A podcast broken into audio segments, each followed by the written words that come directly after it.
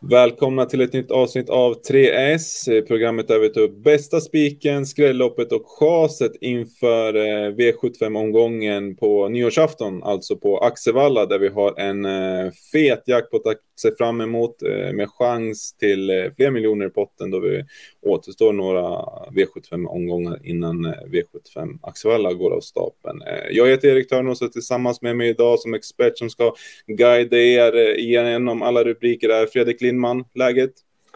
Eh, tack, det är bra. Det är ju omgångens roligaste, eller årets roligaste omgång vi har framför oss här nu på, på nyårsafton. Mm. Framförallt där också som vi har Sylvesterloppet som avslutas som är väl grädden på moset helt enkelt. Så vi är laddade till tänderna och jag tycker att vi kör igång. Här kommer bästa spiken.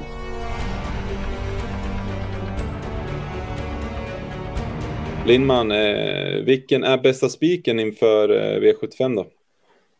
Ja, men det är ganska svåra, svåra lopp. Eh, det är inte de här vanliga klassloppen, utan det är lite andra propositioner eh, och jämna fält. Så det var ganska, inte helt lätt att hitta en spik faktiskt. Men eh, vi kör V757 här, Sylvesterloppet som du nämnde där, eh, kanske den sportsliga höjdpunkten för hela dagen här.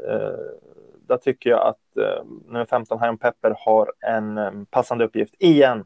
Han kan ju ta tredje raka segern här, eller femte raka segern menar jag, och det, det tror jag att han gör faktiskt. Eh, kan jag kolla lite här på loppet. Det är ju lite en annan position i år. Det är fyra volter och eh, vad säger du om loppet i, i, sin helhet? Sticker han ut väldigt mycket eller finns det någon, någon där bakom du är lite rädd för? Eh, jag tycker loppet håller en hög nivå i år. Det är nog bättre än vad det brukar vara. Det, det här Sylvesterloppet pratas det om ganska mycket och jag tycker det får en högre och högre klass eh, för varje år. Eh, det är allt fler som siktar på, på just det här loppet. Så att, eh, nivån är hög. Vi har ju liksom världshästar som Power och Unico Broline och Ferrari Sisu med också. Det är jättebra hästar. Lite före också, men, men Hion Pepe kommer med toppform. Eh, vi såg senaste loppet, där upploppet när han vinner. Krafter kvar sig i stallet trots att han gick tredje spår sista varvet. Han var grym.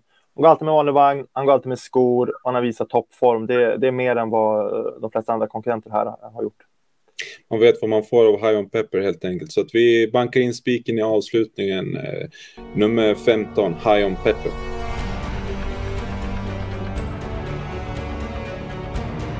Spiken avklarad. Eh, vart ska du skrälla Lindman? Ja, eh, redan i V751.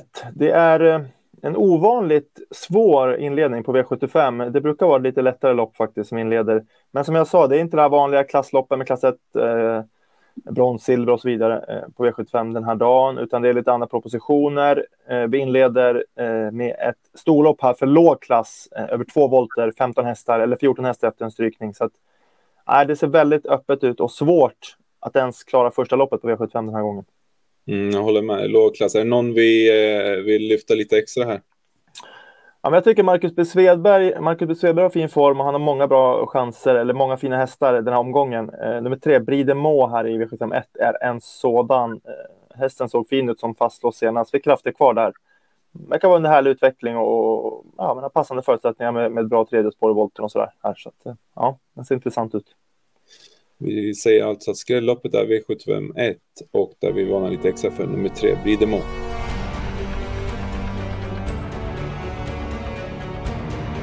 Sista rubriken, eh, vilken är omgångens chas? Eh, vi chasar V752, eh, nummer 11, Vikings Saga. Det här är ett lopp också för ganska låg klass. Hästar får tjäna max 160 000. Och det är 2,6. Och, och Vikings Saga nummer 11 är ett sto som nu möter killarna.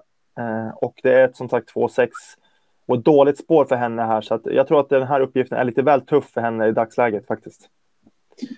Chaset alltså, nummer 11, Vikings Saga i V75 2. En liten sammanfattning. Vi, vi spikar avslutningen, alltså Sylvesterloppet nummer 15, High on Pepper.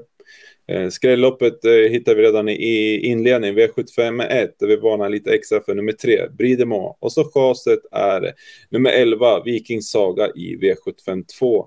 Eh, tack så mycket för att ni tittar och lyssnar och vi önskar er eh, gott nytt år och ett stort lycka till på spelet.